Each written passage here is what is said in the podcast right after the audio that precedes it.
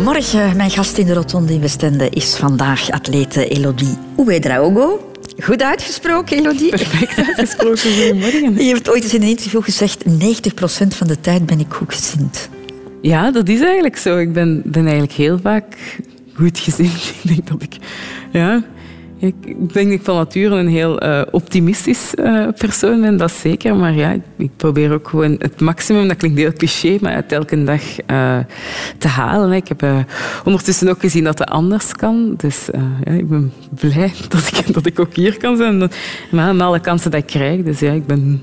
Dat gebeurt zelden dat ik... Ja, dus. ja, dat gebeurt zelden dat ik echt slechtgezind opsta. Ja. En waar kan je slechtgezind van worden dan?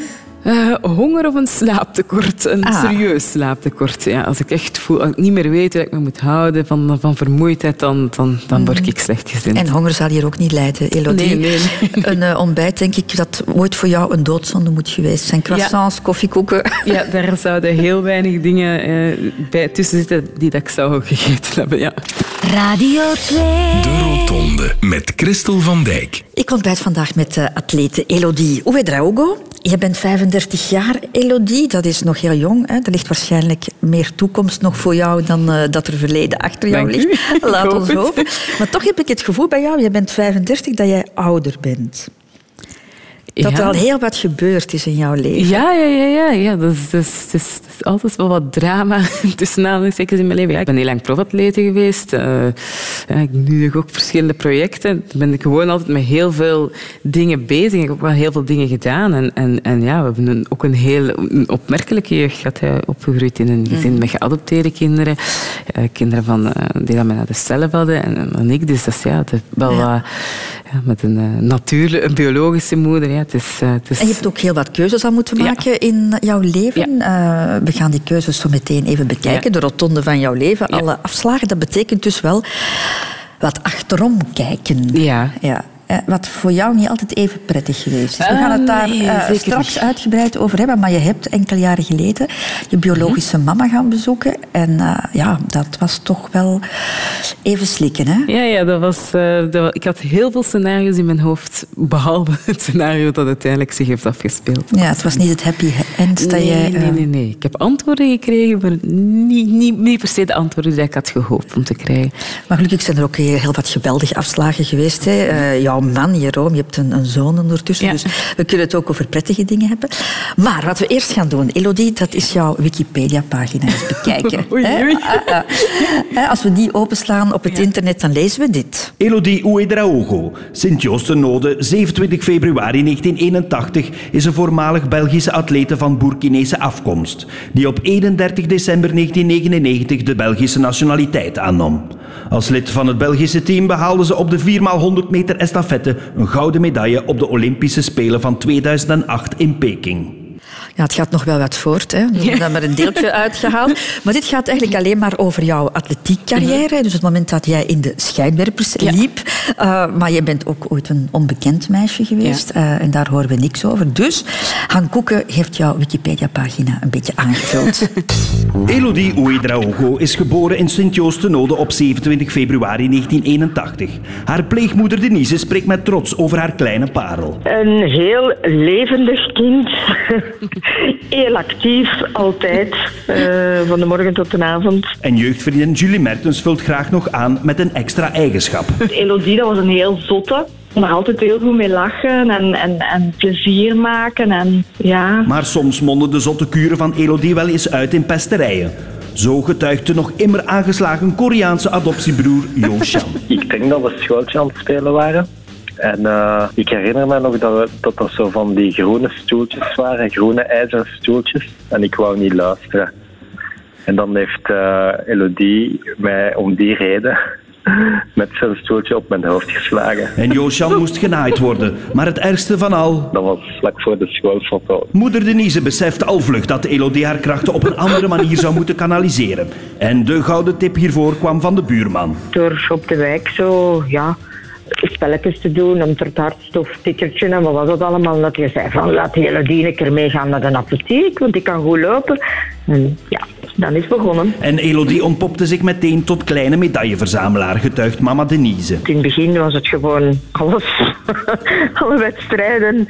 Um, was ze bij... Was ze, ja, ofwel de eerste ofwel ja, een keer tweede. En broer Josjan werd sindsdien toch al minder hardhandig onder handen genomen, vertelt mama Denise. Dat is een, Ko- een Koreaan. hè. Ik kende dat kapsel, dus gewoon zwart haren. En dan had ze dus dat, die eerste haren allemaal tot tegen zijn hoofd uit afgeknipt. Heel, heel kort geknipt. Elodie tastte de grenzen af. Maar met haar viel er altijd wel iets zots te beleven, getuigt jeugdvriendin Julie. Zoals toen ze een avondje uitgingen in La Rocca. Die reed toen een soort jeep. Met zo'n grill van voor en daar was een patrijs in gevlogen. Maar de dag erna zijn we dan naar Amsterdam vertrokken. En die patrijs is daar denk ik nog twee weken met karkassen al ingehangen. Omdat Elo, ja, die durfde die daar natuurlijk niet uithalen. En ja, ik ook niet. Maar naast patrijzenpletten en Koreaanse kopjes kortwikken hield Elodie zich ook onledig met wat atletiek. Relax. Want volgens haar trainer Rudy Diels zou ze de atletiek pas echt ernstig beginnen nemen op het moment dat... Dat ze in contact is gekomen met Kim Gevaert, Elodie inzag dat, dat ze verder zou kunnen geraken, moest ze de atletiek ook serieus nemen. En verder zou ze geraken. Naast de sfeermaakster in de kleedkamer en op de piste kon Elodie zich nu ook serieus focussen. De Olympische Spelen lonkten en ze was er vast van overtuigd om haar talent te verzilveren. En the rest is history. Ja, jeugdherinneringen. Ze hebben het deftig gehouden. Nog deftig is, het gehouden. is wel allemaal waar. Ja, dat is, eh, Ja, zo moeilijk in toom te houden, Elodie. Ja, ik was inderdaad een heel hevig kind en ik wou graag dat alles op mijn manier gebeurde. En ja, mijn broer, heeft het, die trouwens ouder is eh, dan ik, die heeft het heel vaak moeten ontgelden. Dat is, dat is zeker waar. Mijn zus ook trouwens. Ja. Op jouw manier moest Ja, het ja, gebeuren. ja, ja. Ik, zoals, ja, als we speelden, dan... Ja, ik wou dan bijvoorbeeld altijd de juffrouw zijn. Zij moesten dan luisteren. En meestal ging ze daar wel in mee, maar ja, als ze dan zich toch een keer durfde te verzetten, ja, dan zou ze het ook geweten hebben. Hè. Ik denk, met mijn zus zijn we ook ooit zo op, eh, in het ziekenhuis beland, omdat ik haar had overtuigd eh, om white spirits te drinken. Dus ze heeft, dat dan, ze heeft dat gelukkig niet gedronken, maar wel aan haar lippen gezet. En tegen s'avonds dat die echt eh, waren haar lippen verbrand. Dus, eh, Jij, jij was duidelijk de baas. ik was de baas. Ja, nu is dat wel anders. Maar, Maar jij was ook de, de grootste, de sterkste ja, voilà, waarschijnlijk ja, ook, en ja, gewoon heel... Ja, ik was een heel dominant kind. Hè. En, en ja, ik zei waar gewoon ja, geïntimideerd. Maar ja, dan soms was het een keer Korea tegen Burkina Faso thuis. dus, En Burkina Faso won. eh, geregeld, ja.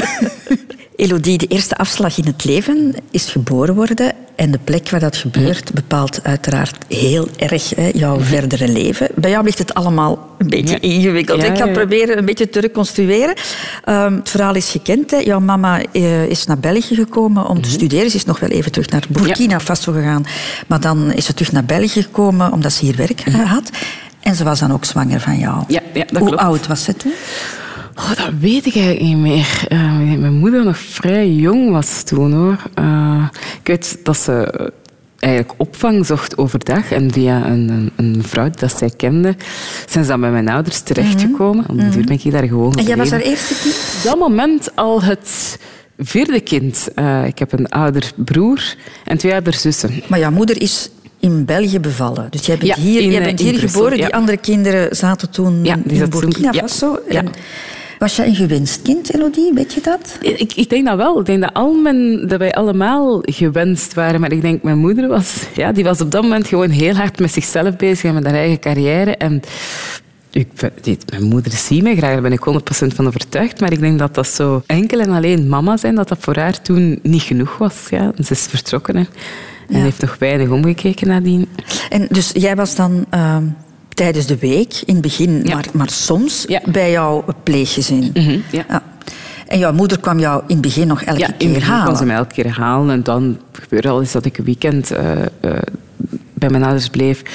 Ja, en op den duur was dat, ja, kwam dat er sprake van... Ja, dus ik denk dat zij terugging van... Ja, zou het niet beter zijn als ze hier blijft? Want hier gaat ze... En dat was ook... Gaat ze meer kansen hebben dan dat ze ooit gaat hebben in Burkina Faso. En, en mijn ouders natuurlijk, ja, die hadden op dat moment eh, nog geen kinderen. waren wel bezig met de adoptie van Joosjan.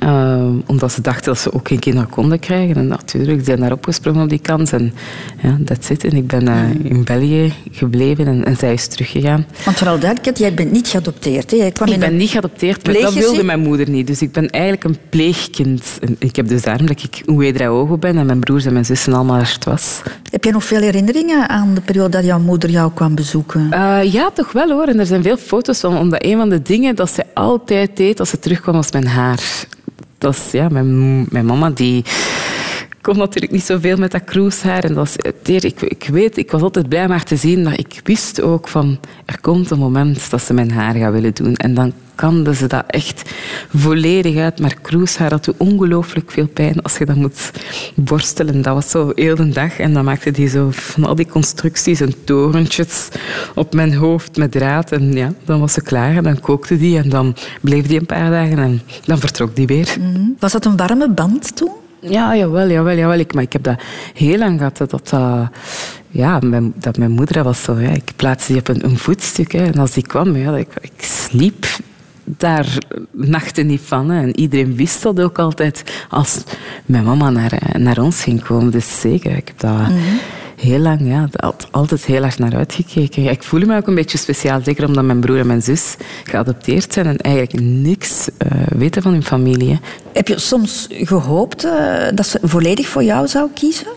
Um, Toen, dat, dat, dat, weet ik niet, maar ik, ik, ik wilde vooral uh, meer aandacht. Hè, want dat was, ik denk zeker, ik denk tot het een jaar of vijf, dan, dan had ik best een goed contact met mijn moeder. Maar nadien is dat helemaal verwaterd. En dan ging er soms echt jaren over dat dat wij echt niks hoorden van haar, dat we ook niet wisten waar dat ze was, dat we haar ook niet konden bereiken. Hè. Dus ja, en dan ineens ging die een telefoon en ja, dan hoor ik dan mijn, mijn, vader of mijn moeder in het Frans woont. Dus ik ah, oké, ja, ze, ze, is ergens.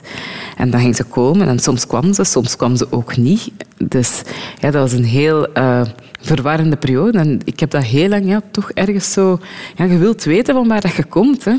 Mm En dan, ja, op een gegeven moment is dat, is dat gestopt. Dan, ja, dan, dan, dan was... Ja, erover is... Dat klinkt zo dat klinkt zo banaal. Of dat, maar ja, op een gegeven moment heb ik gezegd van oké, ja, het is... You're on your own. Allee, ja, in dit, in dit mhm. geval. Hè. Het, het, gaat, het gaat niet gebeuren. Je moet ofwel je neerleggen bij de situatie zoals ze is, ofwel moet je een manier... En, eh, ofwel moeten we gewoon verder gaan. Hè. Je was niet geadopteerd, dus jouw moeder kon jou eigenlijk elke dag eh, komen halen en, en, en verdwijnen met jou. En absoluut. Ik denk dat dat, dat, dat uh, altijd de grote schrik van mijn ouders was. Zeker tot mijn achttiende. Hè, omdat uh, ja, als, je, als, als pleegouder heb je heel veel plichten, maar weinig rechten. En, en, en ze heeft dat ook op een gegeven moment gedaan. Ik denk dat toen een jaar of vijf was. En dat dan een vriend in Parijs. En ineens had ze beslist van, ik ga Elodie uh, terug meenemen. En ik herinner me nog heel goed, want wij woonden nog in Kesselo. En mijn vader had dat gesprek met haar aan de telefoon. En die begon te wenen, mijn vader. En ik vroeg zo, ja, waarom weent je papa? Ik vond, ik vond dat heel raar, want ik heb mijn vader nog nooit zien wenen. En toen hebben ze me dat op handen en voeten proberen uit te leggen. Maar ja, je moet nu eens even terug naar Burkina Faso om te zien of je dat leuk vindt. En dan kun je eventueel daar blijven. En bij iemand vond ik dat allemaal heel spannend. En ja, ze hadden dan mijn, mijn, mijn valies gemaakt en in onze trein gezet in Brussel. En dan heb ik nog twee dagen in Parijs ergens gezeten. En mijn moeder belde dan. Elke dag gingen we aan zo'n betaaltelefoon even naar huis bellen om te, te laten weten dat het met mij was. En de derde dag heb ik dan zelf gezegd van ik zou eigenlijk wel heel graag terug naar huis komen. En dan zijn mijn... Ehm, mijn moeder eh, en mijn onkel, dus de broer van mijn papa, de jongste broer van mijn papa, in zo'n schamele auto die, die dat kapot was, naar midden in de nacht. En zo zijn die naar Parijs gereden. En uh, die hebben mijn moeder dan gezien en die stond daar nog en die moet nog gezegd hebben, alors, et tu veux une bière? En mijn mama en mijn onkel hebben gezegd, nee, nee. Die hebben me in een deken gewikkeld, die hebben me in een auto gezet en die zijn vertrokken. En dat is het begin geweest ook van de periode dat ze dan begon te verdwijnen. Ja. Elodie, voor alle duidelijkheid, je hebt het over je moeder. Hè? Dat mhm. is uh, jouw biologische moeder en je mama is de mama. Ja. En dat klinkt warmer ook. Ja, ja eh, inderdaad. Ja. Dat pleeggezin, uh, Elodie, mhm. waar jij bent opgegroeid, was geen alledaags gezin. Hè?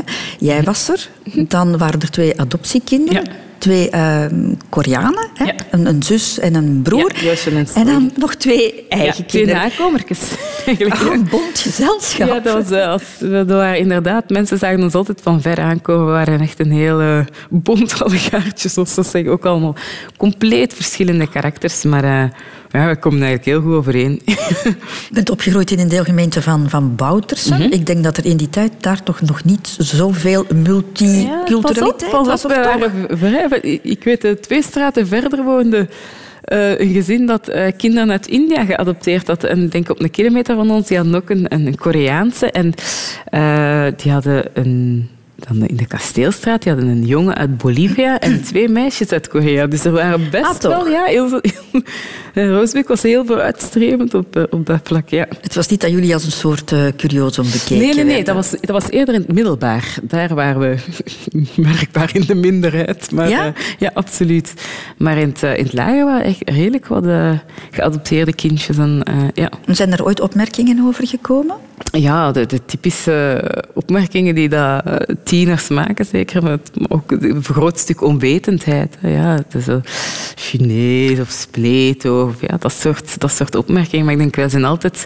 Ja, mijn broer en ik hebben tot, het, tot en met het vierde middelbaar, denk ik, samen in de klas gezeten. Dus ja, we, we, hebben elkaar altijd gesteund. En mijn zus zat een jaar lager, dus wij waren altijd wel... Ze waren niet zo snel geraakt door, uh, we waren een redelijk goed blok. en jij kon vechten maar als moest. Dat, we, we, wisten wel uh, hoe dat we ons moesten verdedigen, gelukkig. Ja.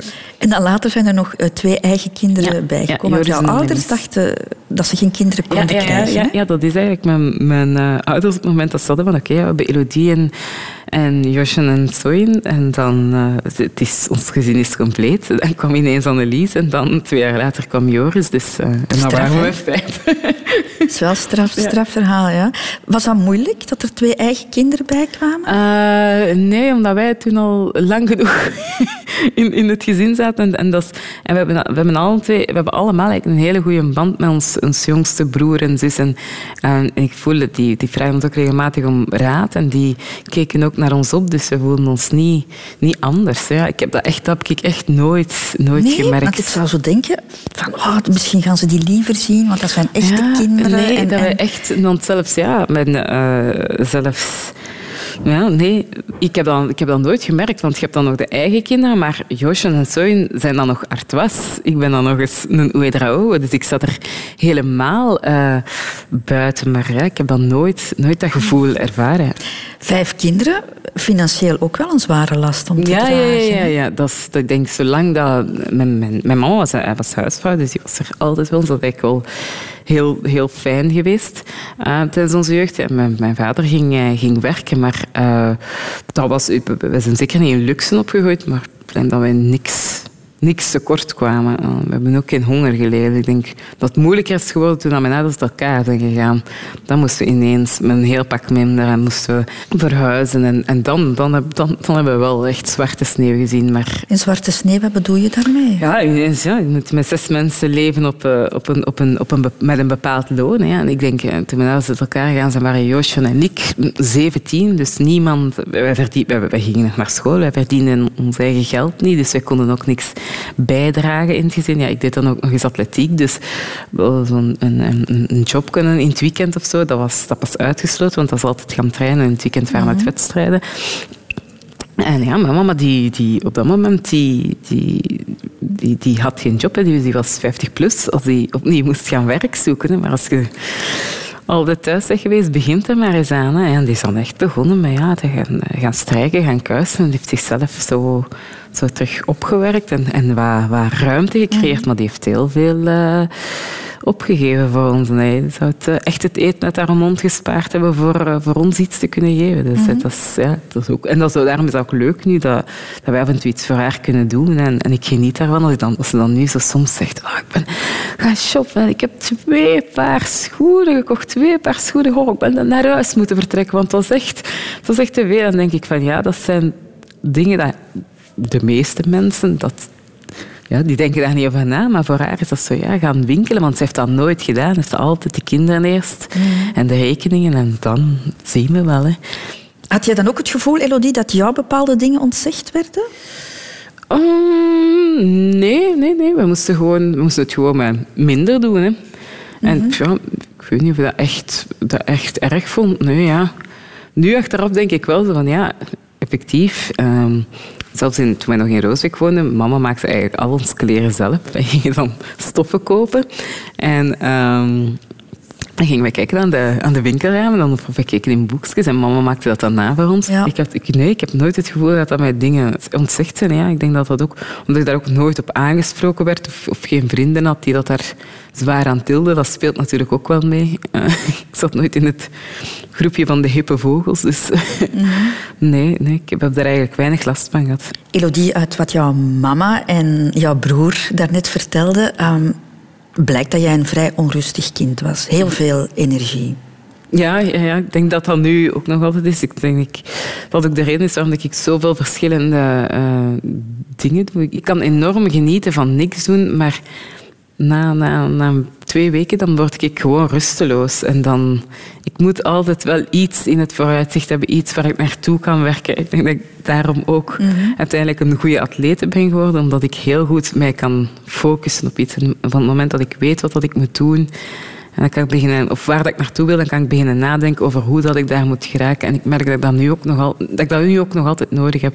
Ik dacht na mijn sportcarrière dat dat goed ging zijn om zo de, de grote onzekerheid en nieuwe dingen. Maar ik denk dat ik nog nooit zo onzeker en zoveel last van muisjes in mijn hoofd heb gehad als in die periode. Gewoon omdat ik het niet wist. En dat ik zo moest leren om dingen op mij af te laten komen. En dat moet, maar ik kan, dan, ik kan er maar mee om tot op een bepaalde hoogte. Maar je hebt heel veel fysieke energie ook. Hè? Hoe, hoe, ging dat dan op school met jou? Ik was denk ik geen, eh, geen aangenaam kind om les aan te geven. Juist om die reden omdat ik heel veel moeite had gewoon om mij te concentreren. En om te, allez, tijdens de les te concentreren, ik zal het zo zeggen. En, en ja, gewoon te zwijgen en te volgen. Dat ik dan wel goed kon, dat was zo die, die extreme van die examens. En, en, en de hele nacht doorblokken en dan je examen gaan doen. Want dan, dan was ik weer iets fysiek aan het doen. Dan was ik mezelf weer aan het pushen en grenzen aan het verleggen. Dat kon ik wel. Maar gewoon zitten en volgen. Nee, ik denk dat ik het mezelf heel moeilijk heb gemaakt tijdens mijn eh, studententijd. Gewoon omdat ik nooit oplette. En dan effectief, als je dan je notities voor je krijgt, is alles nieuw. dat weet ik nu. Dat als je dan een beetje oplet, dat je eigenlijk best wel veel kunt, mee, kunt meenemen. Dus Maar ik zie dat ook als jij praat nu. Hè. Je zit geen moment stil. Hè. Jouw Nee, handen nee. Die, die praten mee. Ja, hè. ja. Geen moment. Hè. Mensen zeggen dat ook vaak. Of wat ik ook heel vaak doe, is, is dat ik aan, aan het rondwandelen ben als ik iets aan het uitleggen ben. Dat ik constant sta te bewegen. Maar als kind moest jij dus die energie kwijt. Ja. En dat kon je niet in de balletles. Nee, nee, nee. Ik heb je gedaan? Ik heb heel veel sporten gedaan. Ik heb gezwommen, ik heb, eh, ik heb volksdans gedaan. Ik, heb, ja, ik zat bij de scouts. Ik deed heel veel. En, en judo dan. Eh, dat heb ik het langste gedaan. En heb ik ook gedaan, dat is juist. En dan uiteindelijk bij judo. Maar dan bleek ik dan toch ook niet zo heel goed in te zijn. Ik was heel fysiek, was ik natuurlijk heel sterk. Maar eh, mijn judo-leraar heeft toen toch gezegd van... Ja, Misschien moet ze toch iets anders gaan doen. En Iets wat ze, omdat ik, ik, ik, was, ik, ik, ik kon niks onthouden. Ik, waarschijnlijk omdat ik ook niet goed oplette. Al die, die nieuwe bewegingen, dat ging dan niet. Zolang dat, dat wat vechten was en dat dat lopen was en pompen en sit-ups. De training zelf, dat kon ik goed. Maar het technisch gedeelte, dan was mijn aandachtspannen denk ik soms net iets te kort. Waardoor dat ik ja, altijd eh, bleef steken op een oranje gordel. Dus nooit groene gordel heb gehaald. En dan, het was duidelijk dat, ik, dat eh, ja, de judowereld heeft geen eh, groot talent aan mij verloren. Maar vandaar ben ik in de atletiek terechtgekomen. En, Ook eigenlijk heel toevallig die atletiek. Hè? ja, ja, ja. Mijn eh, buurmeisje en mijn eh, twee buurjongens die deden atletiek. En ik zag die regelmatig vertrekken in het weekend dan zo'n raar pakje aan. Maar ja, en dan ben ik uiteindelijk eens meegegaan met hun. En ja, ik kan niet zeggen dat ik in het begin heel graag liep. Eh, ik, ik had ook echt...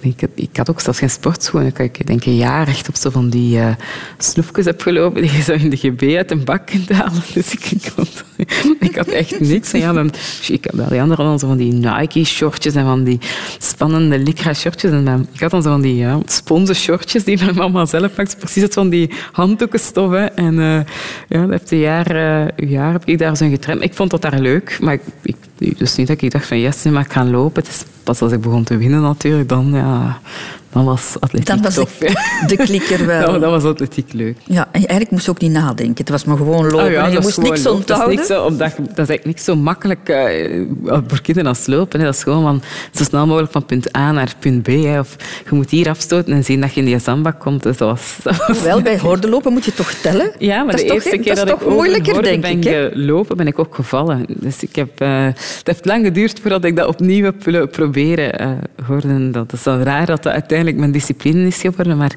eh horden is een heel technisch nummer. En ik, eh, mijn trainer zei toch altijd dat ik het vooral moest hebben van...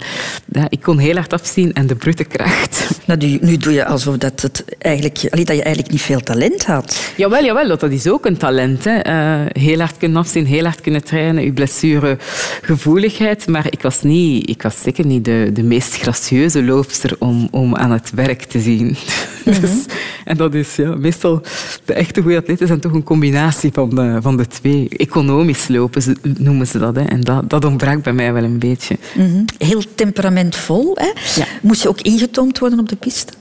Ehm, vooral op training. Eh, omdat, eh, ja, ik zeg, stopsport was een stuk ook kwalitatief werken. En eh, mijn trainer Rudy, die daar juist ook even aan, aan het woord is geweest, die zei dat altijd. Je bent eigenlijk een van de meest dankbare type sporters om te trainen. Want als je een schema geeft en daar staat op, je moet 10 keer 200 doen, dan ga je 10 keer 200 doen. Kun jij na de zesde niet meer en kruipte jij vier keer over de meet, bij wijze van spreken, dan ga je vier keer kruipen. Soms, soms moest ik daar ook een beetje afgeremd worden, want soms ging ik er dan over of, of had ik pijn en dan dacht ik van ja, ik ga toch nog maar eentje proberen, want oh, het schema staan er zeven en ik heb er nog maar zes gedaan. En dat was dan, daardoor heb ik soms mezelf ook wel gesaboteerd, omdat ik ook niet kon stoppen op het moment dat het eigenlijk geen zin meer had. Elodie, vier jaar geleden beslis jij dan om te stoppen eh, met atletiek. Gaat daar een heel lang proces aan vooraf? Eh, ja, toch wel. Omdat, ehm, ik heb denk, na, in 2010 beslist van ik ga proberen door te gaan tot Londen.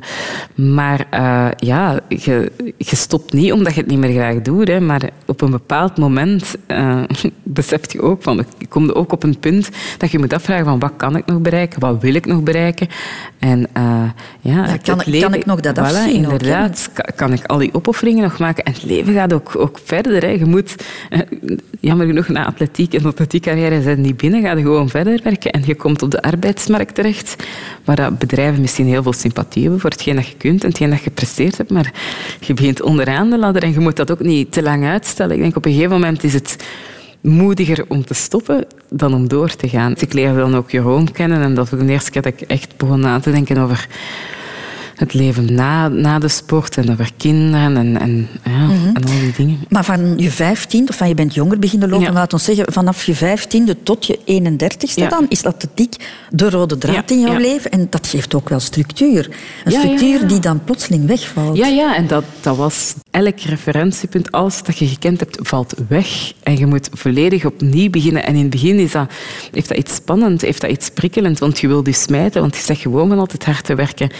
Maar na een tijd moet je toegeven dat hoe hard dat je ook smijt, dat je dat parcours dat je in de sport hebt afgelegd, dat je dat helemaal opnieuw gaat moeten afleggen. Ik wist wie Elodie, de sportvrouw, was. Een heel duidelijk beeld. En nu moet je ineens proberen uit te zoeken wat vind ik nog leuk naast atletiek.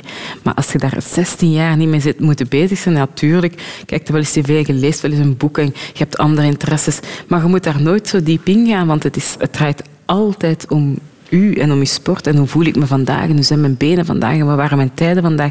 Je moet ook heel egoïstisch zijn als topsporter, want anders kun je dat niet doen. Ja, en ineens valt dat allemaal weg. En dan word ik, oké, ja, en what's next? En wat kan ik nog? En wat, wat vind ik nog leuk? En Maar je bent toch heel snel aan de slag gegaan. Dacht Ik dat je heel- ik had heel snel- binnen de twee weken ben Ik had ja, dus ik- bij Woestijnvis Ja, ik had heel werken. snel werk. En, en ondanks het feit, maar dat is is ook zoiets van, ik wil graag iets in de media doen. maar je leert pas wat dat is, iets in de media doen, als je effectief in de media moet meewerken en, en moet meedraaien. En ik moest aanvaarden dat ik mezelf die een tijd moest geven om te groeien. En dat was, dat is heel moeilijk als je komt van een stadion met 90.000 mensen die dat geld betalen om jullie te zien lopen. En die naar- applaudisseren. Ja, voilà, en die dat, die dat allemaal fantastisch doen. Want je bent een Olympische atleet en daar ineens, ja... Maar ondertussen heb je het heel goed gedaan. Hè. Je werkt nog altijd voor Woestijnvis. Je, je, je- Waarvoor dank. we zien jou eh, op het scherm. Eh, je hebt een, een sportle- eh, Ja. sportledingslijn. Je hebt Ja, een sportmedische zaak in Leuven. Ja, ja, ja. Je hebt een aantal boeken geschreven. Het is bijna het imperium, eh, Elodie. Ehm, ja, ik vind imperium een, een, eh, een, een moeilijk maar ik vind het gewoon een combinatie van dingen die dat, ik- dat ik eh, graag doe, die mij altijd geïnteresseerd hebben. En, en dat, de sportcentrum dat was voor mij iets heel voor de hand liggend, omdat ik, ik, heb, ik ben zoveel jaar profatleet geweest en je kent ook wel de knelpunten voor jonge mensen. En als je iets kunt aanbieden en je weet van hey, daar is, daar is een kines, goede kines waar je onmiddellijk naartoe kunt, dat je niet moet zoeken. Ja, dat modeverhaal, dat, is, dat heeft met mijn jeugd te maken. En ja, Olivia die heeft dat een dag eens gevraagd. eh wat ze zouden dan niet doen. En ik dacht, hé, hey, tof. Heeft het feit dat je jouw moeder ehm, op latere leeftijd nog eens moeten herbeginnen, het feit dat jullie het ook financieel eh, zwaar hadden, heeft dat er ook mee te maken dat jij nu zo gedreven bent? Ehm, waarschijnlijk wel, ja. Ehm, ik, ik werk heel hard ook gewoon. Ja. Ik heb nu een zoon en, en ik, ik, ik wil hem wel meer kunnen geven dan wij hebben gehad. Niet dat dat, dat, dat zo'n drama is, want Jeroen is, is op dat gebied juist hetzelfde. Die is ook heel bescheiden opgegroeid. En ja, Jeroen die lacht daar ook altijd mee dat we op, op skivakantie, eh skireis met de school, dat er twee kinderen waren die dat... Jeroen had een knalroos tweedehands skipak aan. En zijn vriend die had zelfs geen skipak. Die moesten ze elke dag intepen in vuilniszakken. Dus dat ja, waren zo de twee, de twee sukkelaars tussen een klas kinderen met, met hippe sneeuwkledij. En ik zeg niet dat dat belangrijk is, maar ik vind daar wel rust in, te weten als, als, dat, als dat moment ooit daar is, dat ik dat, dat, ik dat eh, kan doen voor onze Remus. Eh, en ehm, ja, ik, ik, ik wil ook gewoon nooit of nooit afhankelijk moeten zijn van een man. Ik wil ten allen tijden, als, als er iets gebeurt, voor mezelf en voor Remus kunnen zorgen. Dus eh, ja, dan moet je blijven werken. Hè. Radio 2. Elodie, voor het programma van Martin Heijlen ben jij enkele jaren geleden teruggekeerd naar jouw land van herkomst, naar Burkina Faso. Je was er ooit al geweest als klein kind, zeker? hè? Ah, ja, ja, ja. Eh, de laatste keer dat ik daar geweest was toen, was toen ik drie jaar was. Daar Eh, herinner je je dus eigenlijk. Dus eigenlijk kan je zeggen dat dit voor jou de eerste keer Ja, ja, was. Ik, heb, ik heb wel een foto van eh, mijn broer en mijn jongste zus, van hetzelfde huis, van Carol, Dimitri en Carol, mezelf voor het huis. Maar ik heb daar eigenlijk geen, geen enkele herinnering aan. Mhm. Waarom had- heb je zo lang gewacht om daar naartoe te gaan? eh, dat is een combinatie van enerzijds eh, de sport natuurlijk. Je had heel de zomer wedstrijden en dat is ja, in die leeftijd, als je dan één maand vakantie hebt, ja, dan wil je zoveel mogelijk tijd inhalen met je vrienden en je vriendinnen. Ik stond ook niet te springen om dat te doen, om, op dat moment om het, om het echt te weten. Ik, ik, ik, ik betrapte mezelf daarop dat ik soms wel eens dingen opzocht over mijn land en dat ik ze wilde indrukken krijgen, maar om een of andere reden, ik, ik, ik had niet zoiets van, ik ga dat echt doen. En dan nog eens even aan gedacht om dat met Jeroen te doen. Maar ja, over het algemeen was dat, ik denk zeker de laatste mm, vier jaar voordat ik uiteindelijk ben terug geweest, was dat gevoel eigenlijk helemaal weg. Ehm, ik denk zo, mijn moeder en ik, dat, dat, dat, dat, was, dat is ook een, een relatie van jaren met vallen en opstaan geweest. En, en wij hebben wel een band, maar dat is geen hartelijke band. en, en er was op dat, ja, ik, ik, ja, ik kan dat moeilijk uitleggen. Er was iets dat mij altijd tegenhield. Maar toch heb je die beslissing genomen, heb je die keuze Eh, gemaakt. Uiteindelijk, ja, dat was dan eh, in 2011, werd mijn vader ziek. Mijn Ja, papa. pleegpapa eigenlijk. Eh, tegen de tijd dat, die vraag, dat Martijn met die vraag kwam, dan was hij, had hij, kreeg hij al een half jaar chemo. En dat is de eerste keer ook zo de periode dat we begonnen te denken van... De kans bestaat dat hem, dat hem er niet gaat doorkomen. Dat, dat we wel eens dat we op het einde zitten. En dat heeft mij ook doen nadenken. Ik dacht ineens van, tja, misschien is dit ook een moment om dat proberen goed te maken met je moeder, want dat die gaat er ook niet altijd zijn. Doe dat gewoon. Dat gaat leuk zijn. Je gaat ook beelden hebben. Je gaat dat aan je, grootvader kunnen tonen. Je gaat dat aan je familie kunnen tonen. Dat gaat, dat gaat leuk worden. En, en in de, naar aanloop van eh, die, die reis natuurlijk naar Burkina Faso heb ik ook vaak met mijn moeder gebeld. En, en dat was ook heel tof. Dus ik had er, ik had er heel veel zin in. En ja, dat was natuurlijk van alle scenario's dat ik in mijn hoofd had, is dat het enige wat ik echt ja, ik had het, ja, dus als je die aflevering bekijkt, dat, dat denkt... eh, dat dat gescript is, dat dat geschreven is. Ja, want Ik je wou niet. eigenlijk een antwoord krijgen op een belangrijke vraag. Ik wilde jou, vooral proberen te... eh, ik wilde echt mijn familie zien, ik wilde het land zien, maar ik wilde ook proberen te begrijpen waarom dat zij eh, zo afwezig is geweest in mijn, in, in, in mijn leven. Ik- begrijp het dat een, een... Zij zat in de politiek. Maar je zat ook maar zo, zo nuttig voor je dorp, zolang dat je iets kunt doen voor je dorp. En als van het moment dat je dat niet meer kunt, ja, dan kiezen zij wel iemand anders. Dus zij had ook wel wat wat druk. En zij heeft voor haar carrière gekozen. Iets wat veel mensen doen. Mensen hier ook doen. Maar om een of andere reden heeft ze dat moeilijk om dat te erkennen. Voor haar is dat zo van, ja, maar ik heb gezorgd dat iedereen het goed heeft. En, en dat zou moeten volstaan. En de rest, ja, dat is, zet u daarover. Dat is gebeurd. Je hebt dat ondertussen ook allemaal een plaats gegeven. Ja ik, de- ja, ik denk dat dat inderdaad... Ik heb daar gewoon... Ik dacht dat dat helend ging zijn, louterend reis. Dat is niet geweest, maar ik, ik heb antwoorden gekregen en dat is, het is niet geweest wat ik, wat ik wou. Maar tegelijkertijd heeft dat gewoon bevestigd met dat vreemd gevoel waar dat ik al, een paar jaar mee zat en wat, waar dat ik ook niet, niet eh, geneigd was om terug te keren, omdat er altijd iets was dat ik dacht van, ik, dat, dat voelt niet authentiek aan, dat draait niet om mij. Was het een troost dat jouw broer en jouw zus hetzelfde meegemaakt hadden? Een moeder die hen eigenlijk achterliet. Eh, ik, ik was vooral geschrokken dat zij dat ook hebben meegemaakt. Omdat ik in mijn hoofd was altijd zoiets van... Ja, zij zijn ten allemaal ginder in Burkina en ik ben, ben hier. En, en, want ja, ik heb ook nooit met mijn broer contact ge- gehad. En ik heb daar geleerd dat hij al jaren een gsm-nummer had. En nooit heeft gebeld of nooit een bericht heeft gestuurd. Ik wist niet hoe dat hij eruit zag. Toen ik landde daar, heeft iemand tegen mij gezegd... En dat is uw broer. Dus is heel raar en heel veel dat er op mij afkwam. Nu, jouw vader is ook afwezig. hè? Ja, dat is een even raar verhaal, want dat was toen ook op dat moment...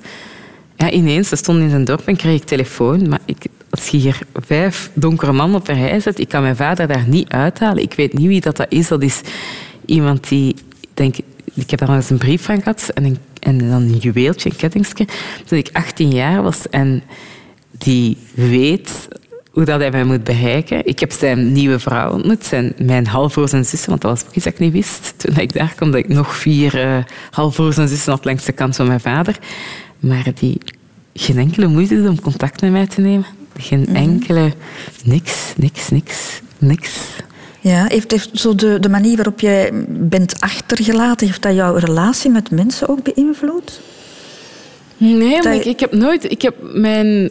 Ik die in België ben ge- gebleven, nooit gezien als achtergelaten worden. Ik heb, kansen, ik, heb veel meer kansen gekregen dan mijn, dan mijn zus. En dat weet ik ook uit de vele gesprekken, dat zij het absoluut niet makkelijker hebben gehad dan ik. Maar wat ik wel heel jammer vond, is dat ik het beste van twee werelden had kunnen hebben. En, dat, en, dat is, en die kans heb ik nooit gekregen, omdat dat... Ja, en mijn moeder vindt dat ze gedaan heeft wat ze kon. Ja. Ik denk dat niet, maar...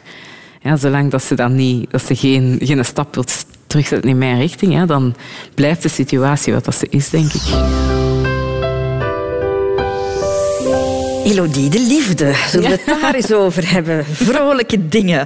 Voor jou moet het toch niet zo makkelijk geweest zijn? Je moest heel veel trainen, je kon heel weinig Ja. uitgaan. En waar leren mensen elkaar kennen? Het in de uitgangsleven. hè? uitgang.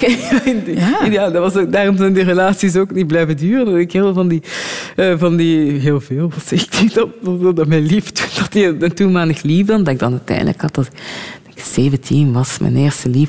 Dat hij ook zoiets had van, ja, hallo, eh, ik ben eh, wel iets te jong om hier eh, op vrijdagavond naast u in de zetel te zitten, omdat jij morgen vroeg om tien uur training had. En zijn jongens daarop afgeknapt? Maar ik heb op afgeknapt. Ik kan me wel voorstellen dat er op dat moment spannendere vrouwen zijn, spannender meisjes, alleen mijn spannender leven dan, dan het meisje dat zes dagen op zeven of zeven dagen op zeven traint. Hè. Dat is...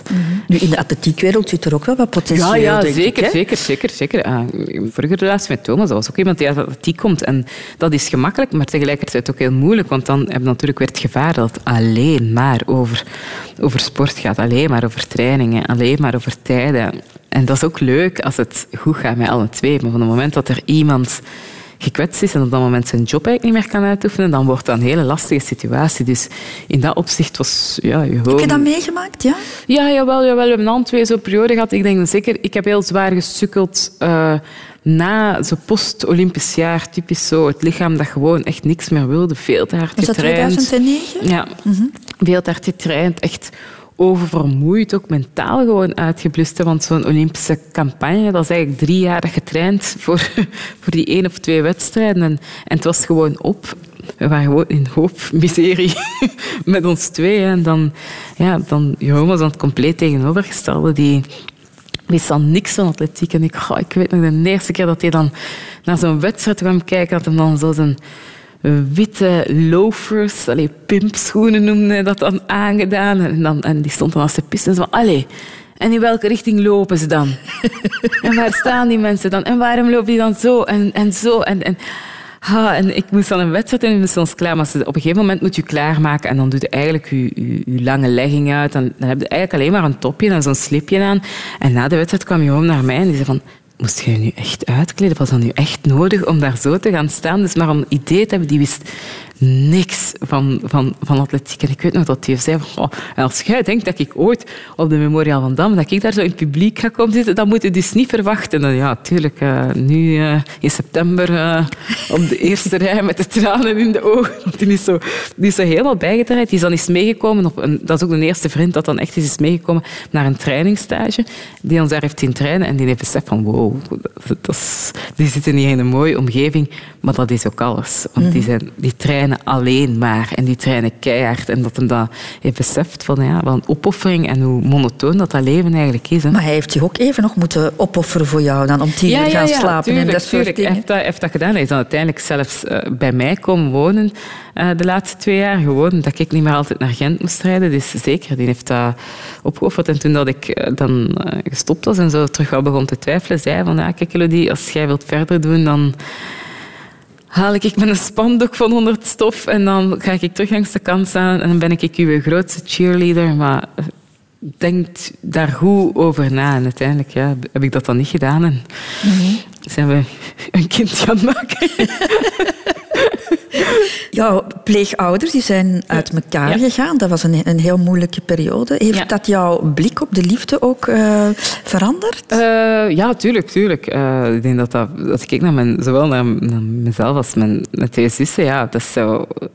We zijn heel weinig tolerantie voor bullshit. Hè. Dat is, we zijn veel, veel assertiever en wij gaan heel snel op ons strepen staan. En thank God. Maar ik denk dat dat ook met mijn mama te maken heeft. Die op een gegeven moment heeft gezegd van oké, deze situatie is niet houdbaar. En die heeft gezegd, ik neem mijn vijf kinderen en dit is het. En ja, dat, is, ja, dat, zijn, dat zijn voor mij... eh, ja, dat is, ik heb altijd gezegd, als ik één tiende van mijn moeder haar kracht ga hebben, ja, dan kom ik er wel. Hè. Want tegenwoordig gaan we Instagram en we posten allemaal foto's en quotes van hoe sterk en hoe, hoe, hoe, hoe- hoe- wat dat we allemaal wel niet kunnen. Maar dat zijn voor mij dat zijn de echte bijreizen. Die gewoon hun vijf kinderen pakken, niemand volwassen. En we zien wel wat dat we... We komen er wel. Dus. Maar heeft je dat ook argwanender gemaakt naar de liefde toe? Dat heeft mij gezorgd dat ik altijd wel zorg dat ik mijn zaakjes op orde heb. Dat, dat, ik, ik ben veel dingen nonchalant, maar er zal veel moeten gebeuren voordat ik met mijn geld nonchalant wil. Zoals ik al zei, ik wil altijd, wat dat er ook gebeurt, ik wil voor mezelf kunnen blijven zorgen en voor mijn zoon kunnen blijven zorgen. Als je morgen beslist van, ik, ik ga, eh dat had ik niet verwacht. Eh, maar, eh, maar bij Jeroen heb ik anderzijds nooit dat gevoel gehad van oh, toch, toch wel meekijken. Ik weet dat niet. Die heeft, zo, die heeft mij gekozen en, en dat is goed voor hem. En ik merk ook echt dat hij oogkleppen op heeft voor de rest. Ja, dat, is, dat is heel raar. Ik heb mij nooit vragen, ja, nooit vragen gesteld bij Jeroen of nooit iets vragen. Ja, ik ben vertrouwen elkaar 100 procent. En daarom dat, er ook, ja, dat er voor niks anders ook ruimte is. Ze zouden ook niet overleven, omdat wij elkaar zo blindelings vertrouwen. Mhm. Dus één misstap. Ja, dat is, wij zouden dat gewoon, zelfs al zou ik dat willen, ik zou daar kapot van zijn, ik, wij zouden daar niet voorbij geraken, omdat wij nu, wij stellen ons ook nooit vragen. Als ik ga, zeg, ik moet naar de rotonde, ik moet naar de zee. Ah, Oké, ja, dat is goed. Dat- die weet niet waar dat ik naartoe rijd uiteindelijk. Ja, nu zal het wel horen vandaag, maar ik, ga, ik ben zoveel weg en omgekeerd ook. Dus ja, wij, wij zouden, er is ruim, wij zouden kunnen doen wat we willen, maar dat, wij stellen ons daar nooit vragen bij. Dat is, ja, ik denk, alleen, dat is ook goed dat ik dat niet moet doen, want ik denk dat dat heel vermoeiend is. Elodie, ik wil eens teruggaan naar een aantal jaren geleden. Het programma In Nu Serieus, Ja. eh, zaterdagochtend. Ik moet eens even Ik weet nadenken. het weer. Weet het? Jij zet te draaien op de stoel. Het- ja, het, wacht, hoe zat het nu weer? Ik moet ook even nadenken. Kim Gevaert ging jou eh, aan de telefoon een aantal tips geven. ja. Jij moest je voorbereiden op een kampioenschap. En ze zei iets van een ring. Weet je het weer? Klopt, ja, ja, ja, dat weet ik weer. Ja. Eh, dat was effectief, het was mijn laatste jaar toen. Eh, het was dan in aanleiding van de Olympische Spelen. En ik weet dat Kim, die had, heeft van, van, van haar man, van JK, vrij in het begin van hun relatie een ring gekregen. Zo'n soort belofte. En, eh, Een verlovingsring. ja. En eh, elke keer als zij zo... Kim had zo... De meeste atleten hebben rituelen. En zeker als ze zo... Om hun stress te kanaliseren. Bijvoorbeeld met meisjes die de hele tijd aan hun, aan hun staartje gaan trekken. Of iemand die constant aan zijn looppakje trekt. En dat is eigenlijk gewoon omdat... Je probeert jezelf te kalmeren. En een van Kim haar rituelen was dat hij altijd aan haar ring draaide en zorgde dat het steentje mooi in het midden van haar vinger was. En uh, zij zei van, ah ja, ah ja, maar ja, Elodie heeft nu ook een ring. Hè? En, en iemand van de redactie zei, oeh, een ring. Uh, een vriendschapsring. Ze heeft dat dan nog proberen te redden, die situatie. Ja, ja. Maar toen, ja, in die uitzending is, is dan dat bekend eh, geraakt, ja, bekend dat, dat wij verloofd waren. En ik heb dat toen volmondig bevestigd. En achteraf, eh, nu zes jaar later, eh, spreek ik daar nog steeds over, over de mogelijke verloving. Dus, ja. Ja, want jullie zijn nog altijd niet getrouwd. Hoewel, hij heeft toch de hand aan jouw van, vader eh, gevraagd. Een Johan Artois gevraagd. Ja, dat is, dat is heel schattig. Hij heeft dat wel hij heeft dat redelijk goed voorbereid. Hij is zelf een ring gaan kiezen. Hij wilde dan ook de hand van mijn vader vragen. Maar hij wist van mijn vader dat hij van Herens eh, was. En die dacht, ja, die zal daar ook wel werken, zeker. Eh heeft hem, is hem, heeft beginnen opzoeken. Maar in, in, in Herens zit eigenlijk heel veel Artois. En zit ook een landmeter die Artois heet. En dus eh, is dat bureau binnengestapt en heeft gevraagd van, ah ja, is Johan hier? En daar werkte dus toevallig ook een Johan. Dus Jeroen, die man zegt, oh nee, ja, nee die Johan is even, gaan, eh, is even gaan lunchen, maar die komt straks terug. Dus Jeroen, ah ja, buiten zo wat gewacht. En ineens komt daar zo een kleine gezette man afgestapt. Hallo, ik ben Johan. En zegt, ja, jij bent niet de papa van Elodie, maar ik ga je toch vragen of ik Elodie mag trouwen? Ja, oké, ja, dat is goed, meneer. En dan, dan had hij het gevraagd en dan heeft hij mij ten huwelijk gevraagd. En daarna heeft hij het dan nog eens aan mijn vader gevraagd. Maar dat was, ja, dat is een, een, een tien voor inspanning, maar eh, het was, dat was niet zoals het moest gaan. nee. Nu, jullie hebben samen eigenlijk al iets meer dan eh, die ring natuurlijk, want Ja. jullie hebben samen een, een zoon, Ja, onze Remus. Sinds wanneer weet je, Elodie, dat je kinderen wou? Ik heb altijd eigenlijk wel, wel ja, een keer dat je zo... Ja, altijd wel kinderen gewild. Hè. Wel periodes dat je denkt, nee, nooit. Maar ik, zie, ik zie doodgraag kinderen. En ik wilde ook echt graag kinderen na mijn carrière. En uiteindelijk is Remus er na twee jaar proberen eh, dan toch gekomen. En ja, dat is, dat is, dat is fantastisch. Hè. Dat is het beste dat mij ooit is overkomen. eh. ook, ook al zou hij wat meer mogen slapen. Dus als hem dit hoort... Mama houdt van jou overdag. Eh, maar ja, dat is, dat, is, dat is een fantastisch kind. Hè. Twee jaar, Elodie. ja. Dat is om de moed bijna op te geven. Ja, dat, was, eh, dat, dat zijn dingen waar je allemaal niet bij stilstaat als je jong bent. En dan denk je van, oh, als er nog maar iemand naar je kijkt, van oei, oei, ik ben zwanger. Maar, eh, en dan, effectief, dan moet je, dan moet je proberen. En dan moet je met die teleurstelling om, eh, el- elke maand. En ja, dan besef je dat dat, dat het allemaal niet zo gemakkelijk is. Dat dat heel veel loterij is ook, hè, kinderen krijgen. En dat Was je daar ongerust over? En toen dat zo lang begon te duren, dan dacht ik ineens van wow, wat als... eh, we, hebben, we, hebben altijd wel, we hebben ook al eens over adoptie gesproken. Dus we wilden sowieso kinderen. Dan hadden we die procedure in gang gezet, maar we hebben dat, we hebben dat wel een tijdje onderzocht. En dat blijkt ja, denk, dat gelukkig ook niet zo makkelijk te zijn. Maar bijvoorbeeld in veel landen moet je ook getrouwd zijn en dan... Maar die heb je echt aan gedacht, aan adoptie, omdat het niet lukte. Niet omdat het niet lukte, gewoon omdat wij wel zo willen, we willen kinderen, maar we willen per se kinderen van ons eigen, willen we gewoon kinderen adopteren. En uiteindelijk, ja, als, je kijkt, eh, als je kijkt naar ons, ja, we hebben een heel samengesteld gezin. Dus Maar denk je daar nog over na? ja, nog altijd, altijd. Maar ik, ben eer, ik geef eerlijk toe dat ik enorm afgeschrikt word door de, door de lange procedure. Ik ben daar wel wat bang van, ja. Maar uiteindelijk heb je dan je eigen zoon gekregen. Ja. Is er ooit een reden gevonden waarom het zo moeizaam ging? Stress. Ja, stress, echt waar.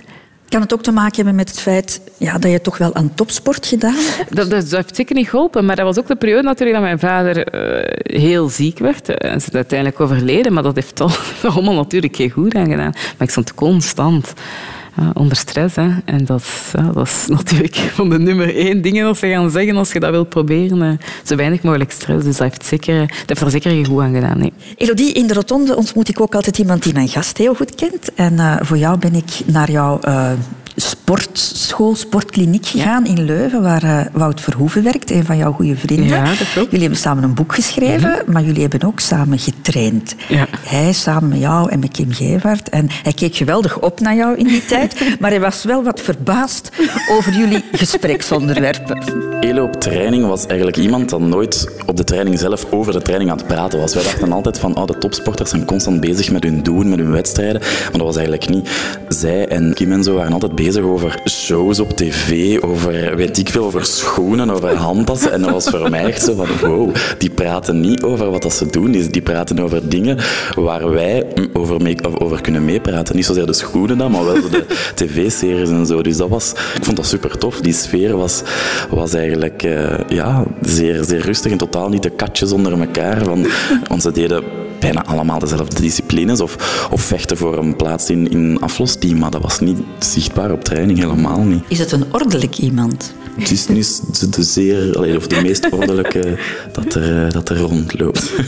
Maar geef er eens een voorbeeld van. Goh, ehm, bijvoorbeeld in de, als ik de keren dat ik dan, dat ik dan mee met haar reed, dan zag ik wel nog zo tassen van, van koffie en zo, dat er nog, nog van dagen voordien. Was al wel een goede koffiegeur in de auto, maar de tassen waren er nog. En eigenlijk heel eh, in het begin met haar relatie met, met Jeroen, dan had Jeroen ervoor gezorgd dat ze zo dozen had waar, dan, waar ze al haar materiaal in de auto moest inzetten. Dus dat was echt wel zo van, mm, we moeten er iets aan doen. Heb je haar zien veranderen ja, in de loop der jaren? Ja, toch een beetje. Zeker in de atletiek waren we vooral bezig met atletiek en enkel bezig met atletiek. En op dat vlak heb ik haar echt wel zien evolueren van nog zo een, een atlete tot nu echt een, een, een businesswoman hè, met, met veel projecten dat ze aanneemt. En, en ze is met veel tegelijkertijd bezig, maar dat lukt wel. En net daarom denk ik ook dat ze zeker niet chaotisch is, omdat het wel allemaal lukt wat ze, wat ze doet. En ook met, met de geboorte van Remus, daarvoor zei ze altijd, Wout, als ik zo een mama word dat zo veel te veel foto's post op Facebook of Instagram over, over haar baby, zegt me dat. Eh, ik wil echt niet worden. Maar ik had dat eigenlijk nooit moeten zeggen. Je ziet, wel, allee, je ziet echt wel dat ze zo een mama is geworden en zeer zorgzaam en, en heel liefdevol. Wat ze vroeger al over teammaatjes kon zijn, is ze nu over haar zoon nog eens extra. En dat is echt mooi om te zien. Zijn er dingen waar ze bang voor is? Van vogels en kippen. Misschien eerder nog van kippen. Ik heb altijd een rare, een, een rare angst gevonden, een rare fobie gevonden. Maar ja, dwaze beesten eigenlijk, daar moet ze echt, echt niet van weten. Dat springt dan naar uw nek of, of naar uw hals of zo. Dat ik dan denk, allee, dat is maar zo'n gewoon kipje, maar ja, grote angst. Een eet ze kip? Dat wel. denk, denk misschien nog met veel plezier. Zo van, verdomme, eerst met zo'n schrik aanjagen en dan nu eh, op mijn bord. Dus eh, nee, nee, dat deed ze wel. Een kip die naar je hals springt, Elodie. Je hebt nog nooit gezien, eigenlijk. Ja, ik, ben, eh, ik weet niet hoe dat komt. Waarom dat, dat ik me zo daarvan overtuigd dat dat mogelijk is. Maar eh, om een of andere reden die hebben geen eh, positief effect op mij. Ja, zo'n angst is irrationeel, kan je uiteraard niet verklaren. Nee, nee, ik zie dat vooral graag op de grill met een goed gekruid. met een broodje misschien, maar... nee. Wat mij ook opviel was het, ehm het moederklokgevoel dat jij ook had bij jouw teamgenoten volgens...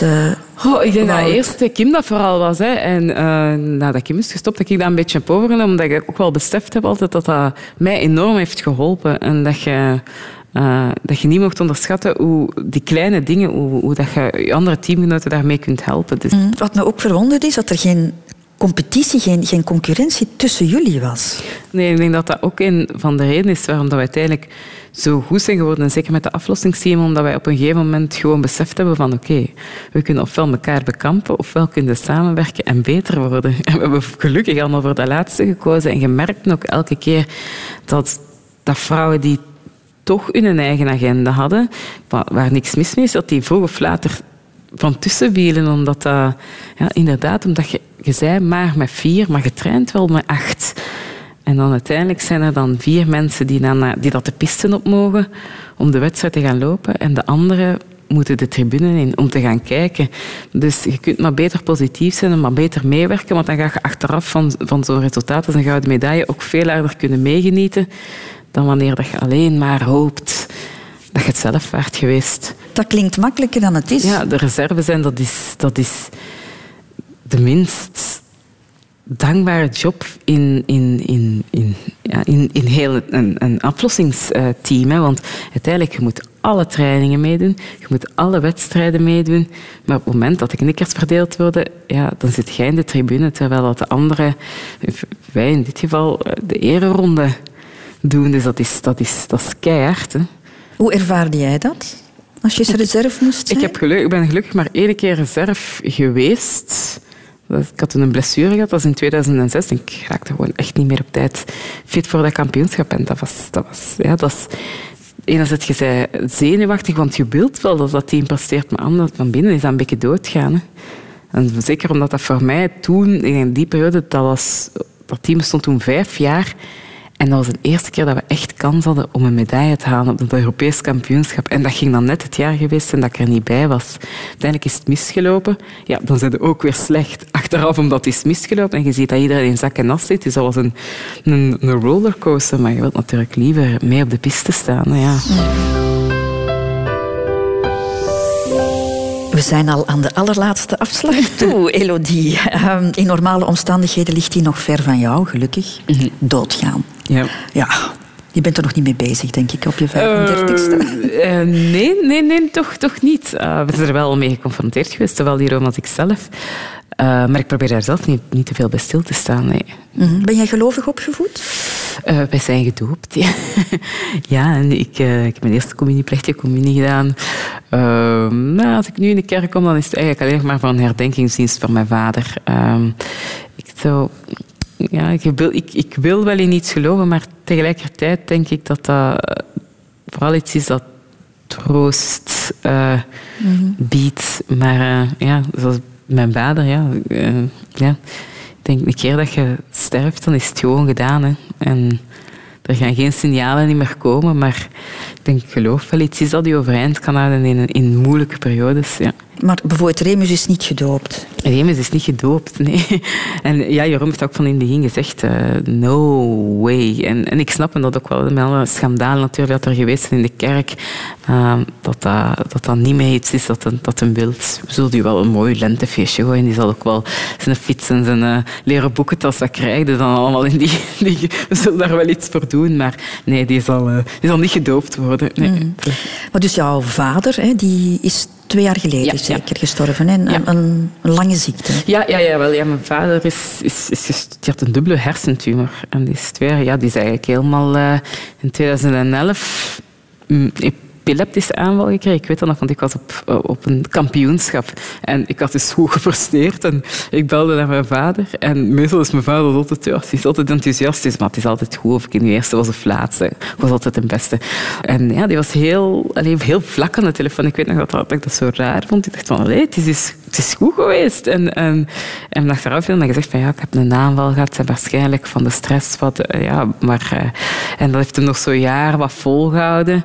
En ik nog na de, na de Spelen in Londen, hij was toen komen kijken, een dag met dan mijn, mijn twee broers en mijn Jeroen. En um, we hadden samen ergens afgesproken. En ik weet dat ik hem toen zag zitten op een trapje. En dat is de eerste keer dat ik, dat die precies... Dat was precies dat ik daar zo wat ben voor wat had afgesloten, wat blind was geweest. En ik zag die toen zo op een trapje zitten. En dat is de eerste keer dat ik dacht van, oh, die is echt ziek.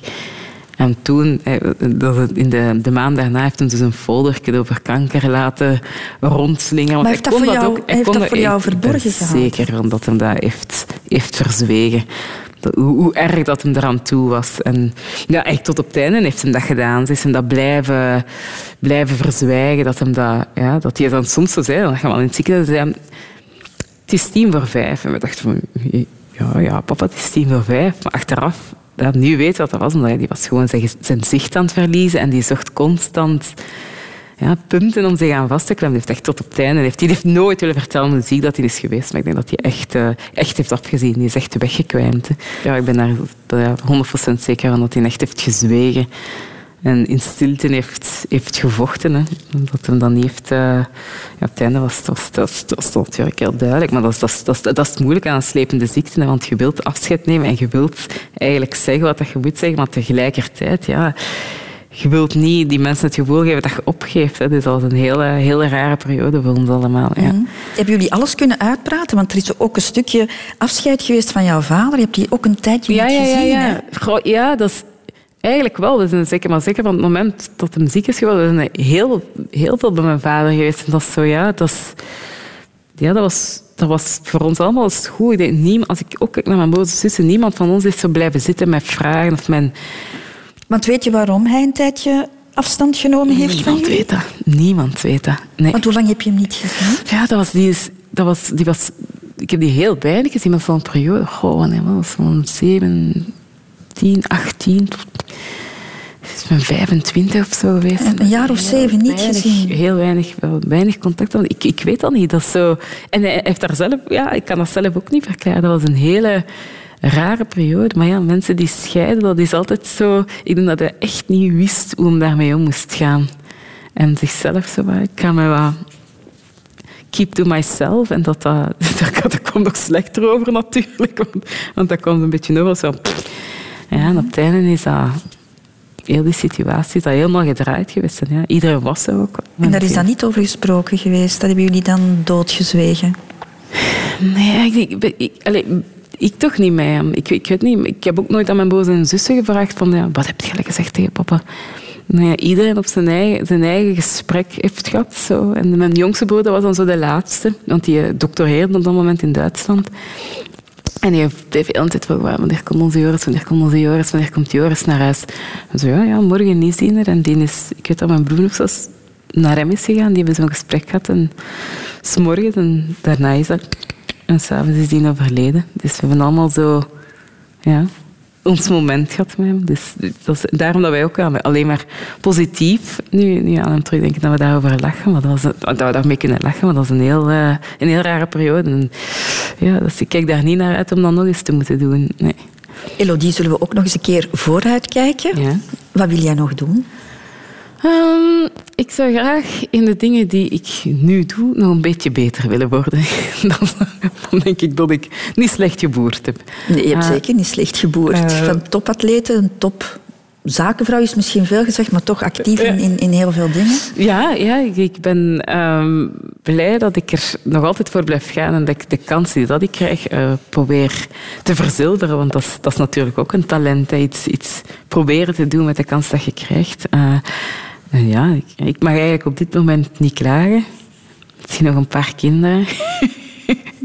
Hierop. maar, eh, nee, het leven is op dit moment wel goed. Je ziet er alleszins heel gelukkig uit. Ik vond het heel fijn om met jou te ontbijten vandaag. Dank je wel. Geluks. Nog één ding. Mijn gastenboek, wil je daar nog iets in schrijven? Lieve Christel, eh, bedankt voor de fijne babbel en het overheerlijk ontbijt. Het gebeurt tegenwoordig nog maar zelden dat ik me veilig genoeg voel om het volledige verhaal te schetsen. Populaire media zijn hier waarschijnlijk niet vreemd aan. Ik blijf een grote bewonderaar, proficiat. En sorry voor mijn lelijke schrift. Elodie Ouedraogo.